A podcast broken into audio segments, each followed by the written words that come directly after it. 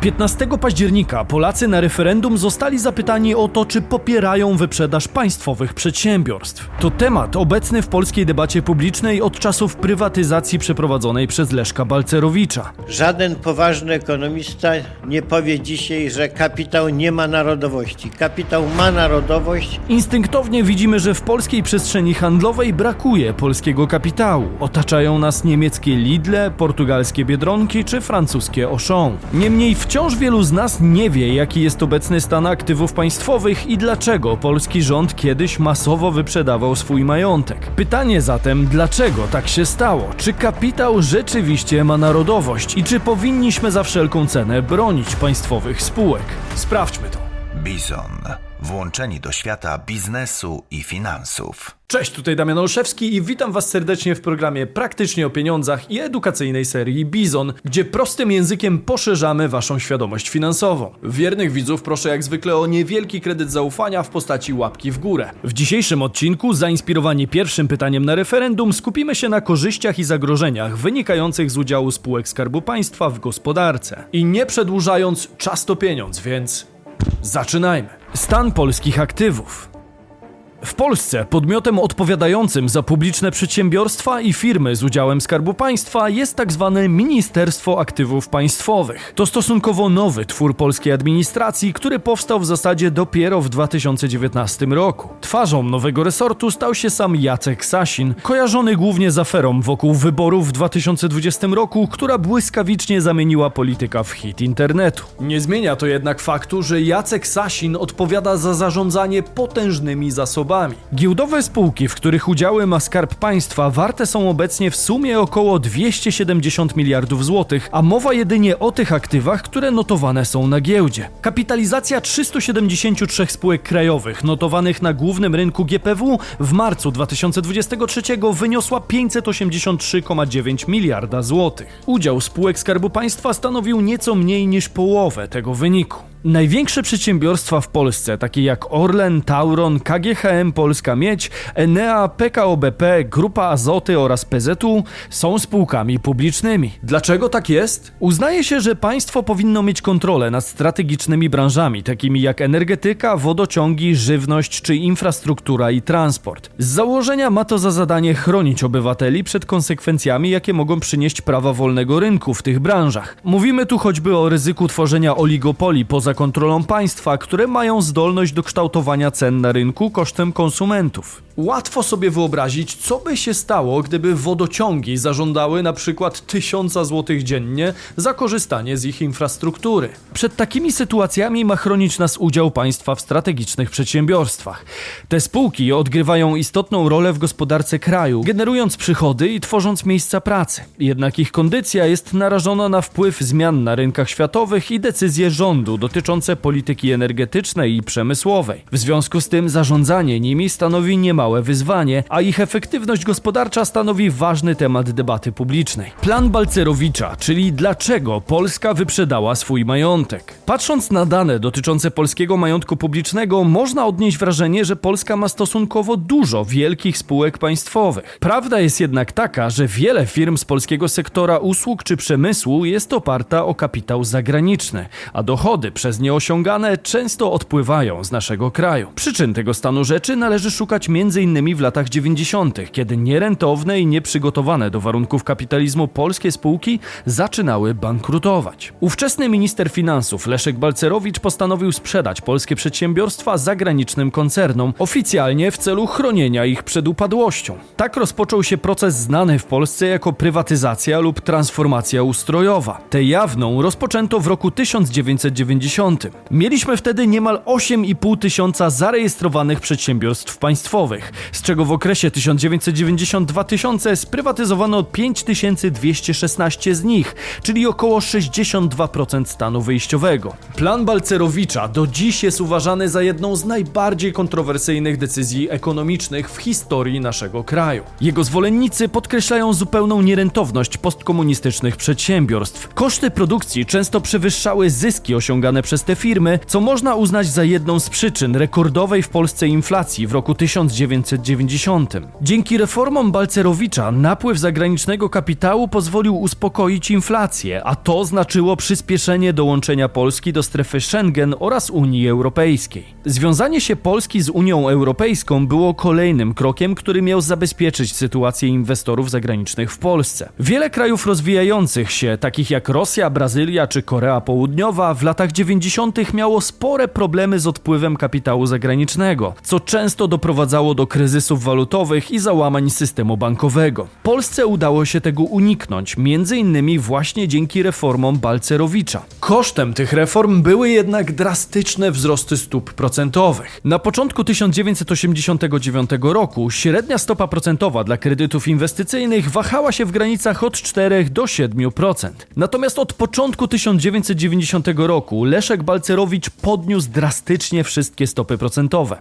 Stopy kredytowe w roku 1990 wzrosły do ponad 72%, a stopa redyskontowa nawet do 106% rocznie. Przeciwnicy Balcerowicza podkreślają, że wzrost kosztów długu w tak krytycznym okresie jak początek kapitalizmu w Polsce spowodował falę bankructw i pozwolił zagranicznemu kapitałowi za bezcen wykupić polskie przedsiębiorstwa. Warto podkreślić, że niemal każdą spółkę poprzez złe decyzje da się doprowadzić do nierentowności, przynajmniej na papierze, a następnie sprzedać Niemcom, Holendrom czy Amerykanom pod pozorem ratowania sytuacji. Niestety nie mamy wglądu do pełnej rzeczywistej kondycji wyprzedawanych wtedy przedsiębiorstw, ale dziwnym trafem część z nich do dzisiaj ma się świetnie. Przykładem takich firm może być choćby grupa Żywiec, wtedy jeszcze browary Żywiec S.A., sprzedana częściowo holenderskiemu koncernowi Heineken w 94, a w 98 już w połowie kontrolowana przez Holendrów. Słynny Wedel, sprzedany swego czasu brytyjskiemu Cadbury Schweppes,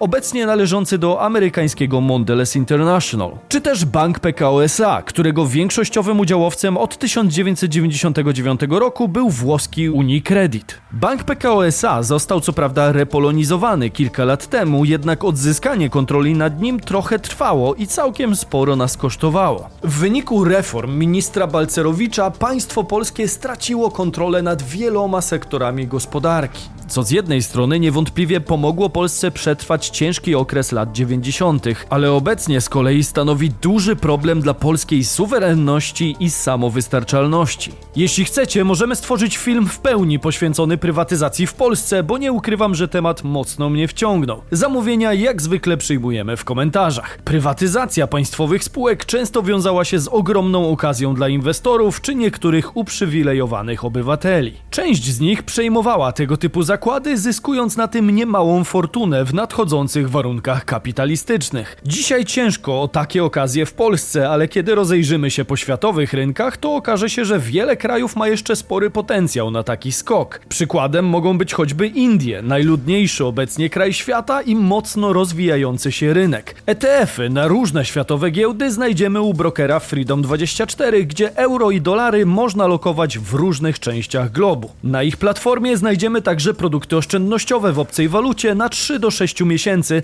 ze stopą zwrotu do 4,5% w euro i 6,13% w dolarze. Część poduszki finansowej w obcej walucie trzymam właśnie tam, a odsetki do kapitału dopisywane są codziennie. Jeśli więc i Was ciekawi takie rozwiązanie, to warto zajrzeć do szczegółów oferty w opisie odcinka. Pamiętajcie także, że przyszłe promocje dla bizonów będą dostępne jedynie dla osób, które otworzyły konto z tego linka. Czy tylko Polska wyprzedawała swój majątek? Majątek? Specyfika Polski wynikająca z transformacji systemowej może skłaniać do wniosku, że tylko kraje postsowieckie były zmuszone wyprzedawać swój majątek. To jednak nie do końca prawda. Choć w krajach postsowieckich takie praktyki były nad wyraz częste, to wcale nie jesteśmy w tej kategorii odosobnieni. Dobrym przykładem będzie choćby Wielka Brytania w latach 70. XX wieku. Wyprzedawanie majątku państwowego w Wielkiej Brytanii zarządów Margaret Thatcher, która była premierem tego kraju od 1979 do 1990 roku, jest określane jako prywatyzacja i stanowiło kluczowy element jej polityki polityki gospodarczej. Jednym z pierwszych dużych kroków było prywatyzowanie brytyjskiej telekomunikacji. W 1984 utworzono przedsiębiorstwo British Telecom, oddzielając je od państwowej spółki telekomunikacyjnej. Akcje tzw. Tak BT były oferowane na giełdzie papierów wartościowych, a tysiące obywateli w tamtym czasie stało się akcjonariuszami spółki. Thatcher rozpoczęła również proces prywatyzacji przemysłu energetycznego. Początkowo w 1984 roku oddzielono i sprywatyzowano British Gas, a wkrótce potem rozpoczęto prywatyzację brytyjskich elektrowni węglowych, gazowych i nuklearnych. Taka polityka odcisnęła swoje piętno na wskaźnikach makroekonomicznych Wielkiej Brytanii. W momencie objęcia urzędu przez Thatcher w 1979 roku stopa bezrobocia wynosiła około 5,3%. W okresie wczesnych lat 80. w wyniku restrukturyzacji przemysłu i polityki rządu stopa bezrobocia wzrosła do poziomu około 11% w roku 1984. W 1979 roku PKB Wielkiej Brytanii wynosiło około 439 miliardów dolarów. W okresie rządów Thatcher PKB stopniowo rosło, aż osiągnęło wartość ponad dwukrotnie wyższą w roku 1990, kiedy opuściła urząd premiera. Nie jest to oczywiście wyłączna zasługa prywatyzacji, ale stanowiła ona znaczący element układanki pani premier. Eksport Wielkiej Brytanii również rósł w okresie rządów Thatcher, choć z dużymi wahaniami związanymi z kursami walut i koniunkturą światową. Wartość eksportu towarów i usług wzrosła z około 62 miliardów funtów w 1979 do około 124 miliardów funtów w roku 1990. Dane makroekonomiczne wskazują, że w niektórych przypadkach wyprzedawanie majątku zarówno w Polsce, jak i w Wielkiej Brytanii przyniosło pozytywne skutki dla gospodarki. Stało się tak, ponieważ duży udział sektora publicznego w rynku wpływa negatywnie na konkurencyjność i elastyczność przedsiębiorstw. Olbrzymie państwowe molochy praktycznie nie są zagrożone upadkiem, przez co często nikt nie zmienia procesów produkcji, nie przeprowadza dokładnej analizy kosztów, bo w większości przypadków nikomu nie zależy na tym, aby przedsiębiorstwo generowało zyski. Tym samym ciężko jest konkurować z tego rodzaju firmą na zasadach wolnego rynku. Dodatkowo bankructwa są potrzebne, ponieważ pozwalają małym, ale bardziej rentownym przedsiębiorcom zająć miejsce starych molochów. Tak działa zresztą tak zwana twórcza destrukcja na rynku. Problem z publicznymi spółkami.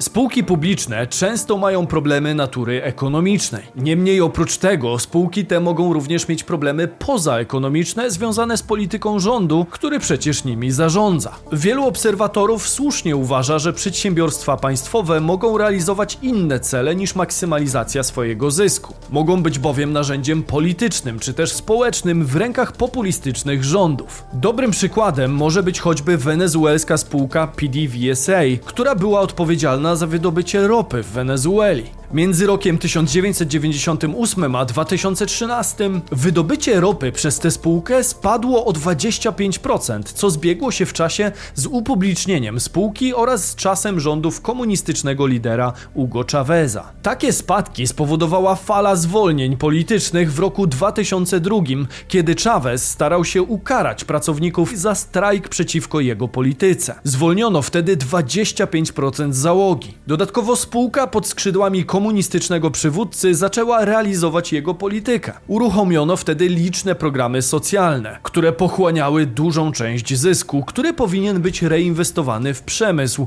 amortyzację maszyn czy też unowocześnienie infrastruktury wydobywczej. Spółka nie działała jednak zgodnie z prawami rynku. Brak wykwalifikowanej kadry oraz brak inwestycji w infrastrukturę doprowadziły w 2012 roku do tragedii, kiedy to nastąpił wybuch w rafinerii, w którym życie straciło 40 30 osób. Obecnie wydobycie ropy w Wenezueli ciągle maleje, a kolejny komunistyczny przywódca Nicolas Maduro kontynuuje politykę Chaveza w kwestii pracy spółek państwowych, wykorzystując je systematycznie do prowadzenia swojej polityki, a nie do generowania zysków. W Wenezueli dodatkowym problemem jest niesamowita skala korupcji w ogromnych państwowych spółkach. Według szacunków szwajcarskiego Basel Institute of Governance około 350 miliardów dolarów zostało utracone z publicznych publicznych funduszy w związku z korupcją, oszustwami oraz łapówkami. Dużo bliższym nam przykładem przedsiębiorstwa publicznego, potencjalnie realizującego cele polityczne, może być choćby Orlen. Grupa Orlen nie jest ujęta w polskim prawie budżetowym, przez co zdaniem niektórych ekspertów może być wykorzystywana do odciążania budżetu państwa. Ciężko też nie zauważyć jej roli w dość swobodnym kształtowaniu cen paliw w naszym kraju, zwłaszcza w momentach istotnych dla utrzymania władzy. Państwo korzysta na niskim długu publicznym,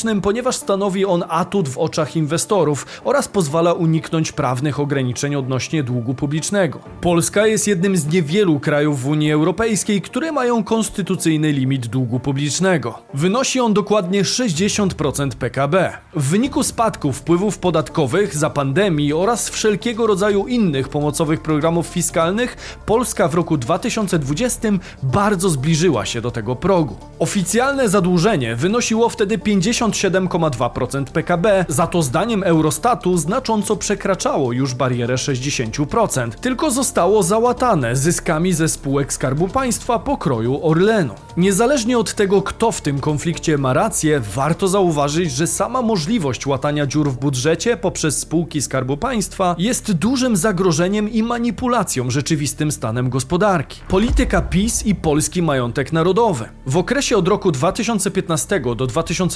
2021 PiS wprowadziło szereg zmian w polityce wobec spółek Skarbu Państwa. Rząd skoncentrował się na nacjonalizacji lub zwiększeniu kontroli państwa nad kluczowymi spółkami strategicznymi, takimi jak Polska Grupa Energetyczna czy Polska Grupa Zbrojeniowa. Celem było zapewnienie państwu większej kontroli nad sektorem energetycznym oraz obronnym. Dodatkowo rząd PiS dokonał zmian w zarządach niektórych spółek Skarbu Państwa, często powołując na kluczowe stanowiska menedżerskie osoby związane z partią. To wywołało kontrowersje i krytykę ze strony opozycji i niektórych ekspertów. W kontekście spółek Skarbu Państwa PiS od 2015 roku prowadzi strategię mającą na celu uzyskanie większej kontroli przez państwo. Z jednej strony pozwala to polskim podmiotom efektywniej konkurować z zagranicznymi korporacjami, które unikając opodatkowania posiadały do tej pory pory nieuczciwą przewagę w tej materii. Z drugiej zaś strony pozwala to rządzącym na przeprowadzanie licznych machinacji i tworzy możliwości pod wyciek publicznego kapitału. Zatem czy powinniśmy wyprzedawać polskie spółki? Wiemy już w jakich sytuacjach państwo wyprzedawało majątek. Pora więc spojrzeć na te kwestie z perspektywy współczesnej Polski i odpowiedzieć sobie na kluczowe pytanie. Na początek trzeba jednak podkreślić, że pytania w referendum, w tym także to pierwsze, były postawione w sposób tendencyjny. Ich konstrukcja mocno naprowadzała na pożądaną odpowiedź. Można mieć sporo zarzutów do sposobu ich sformułowania, ponieważ po części miały za zadanie utrwalić sympatię do partii rządzącej. Ale czy to oznacza, że lepiej było w ogóle nie oddać głosu i nie wyrazić opinii narodu na temat tak fundamentalnych spraw? Tu nie ukrywam, że mam pewne wątpliwości, do których wrócimy jeszcze w sobotnim materiale. Co do wyprzedaży majątku państwowego, zacznijmy od argumentów przeciw takim działaniom. Po pierwsze, w Polsce brakuje kapitału krajowego, także że wyprzedaż majątku publicznego w dużej większości przypadków kończy się przejęciem danego przedsiębiorstwa przez kapitał zagraniczny. Z tym wiąże się natomiast kilka problemów. Przedsiębiorcy z zagranicy często nie płacą podatków w kraju oraz nie reinwestują zysków w Polsce. Powoduje to odpływ środków z naszej gospodarki oraz osłabienie się złotego wskutek wyprzedawania go za obce waluty. Dodatkowo państwo powinno kontrolować część branż, które są silnie połączone z prowadzeniem polityki makroekonomicznej. Chodzi tutaj przede wszystkim o branże branże takie jak energetyka czy też bankowość. Udział państwa w tych branżach pełni rolę antycykliczną, czyli pozwala zmniejszać wahania koniunktury, ponieważ państwo pełni rolę gwaranta bezpieczeństwa danej branży. Spółki państwowe rzadko są zmuszane do ogłoszenia upadłości, bo zawsze mogą liczyć na wsparcie ze strony państwa. Ostatnim argumentem przeciwko wyprzedawaniu majątku państwa jest fakt, że część usług nie będzie zapewniana przez przedsiębiorstwa prywatne, ponieważ zwyczajnie może im się to nie opłacać. Przykładem takiego sektora jest choćby publiczna komunikacja miejska. Gdyby wszystkie spółki odpowiadające za transport miejski były prywatne, to istnieje duże prawdopodobieństwo, że ceny biletów byłyby dużo wyższe, co wiąże się także ze stratą dla społeczeństwa. A teraz przejdźmy płynnie do zagrożeń związanych ze spółkami Skarbu Państwa, na które warto zwracać uwagę. Po pierwsze, sektor spółek Skarbu Państwa jest mocno korupcjogenny, co jednak stanowi większy problem w krajach bez surowych regulacji korupcyjnych niż w Polsce. Polsce. Ale przykłady spółki Srebrna czy Orlenu pokazują, że również w Polsce dochodzi do nadużyć w tym sektorze. Następnie spółki Skarbu Państwa mogą służyć populistycznym celom politycznym, jak na przykład PDVSA w Wenezueli. Dodatkowo spółki Skarbu Państwa mogą być sztucznie podtrzymywane przy życiu, kiedy nie generują zysków,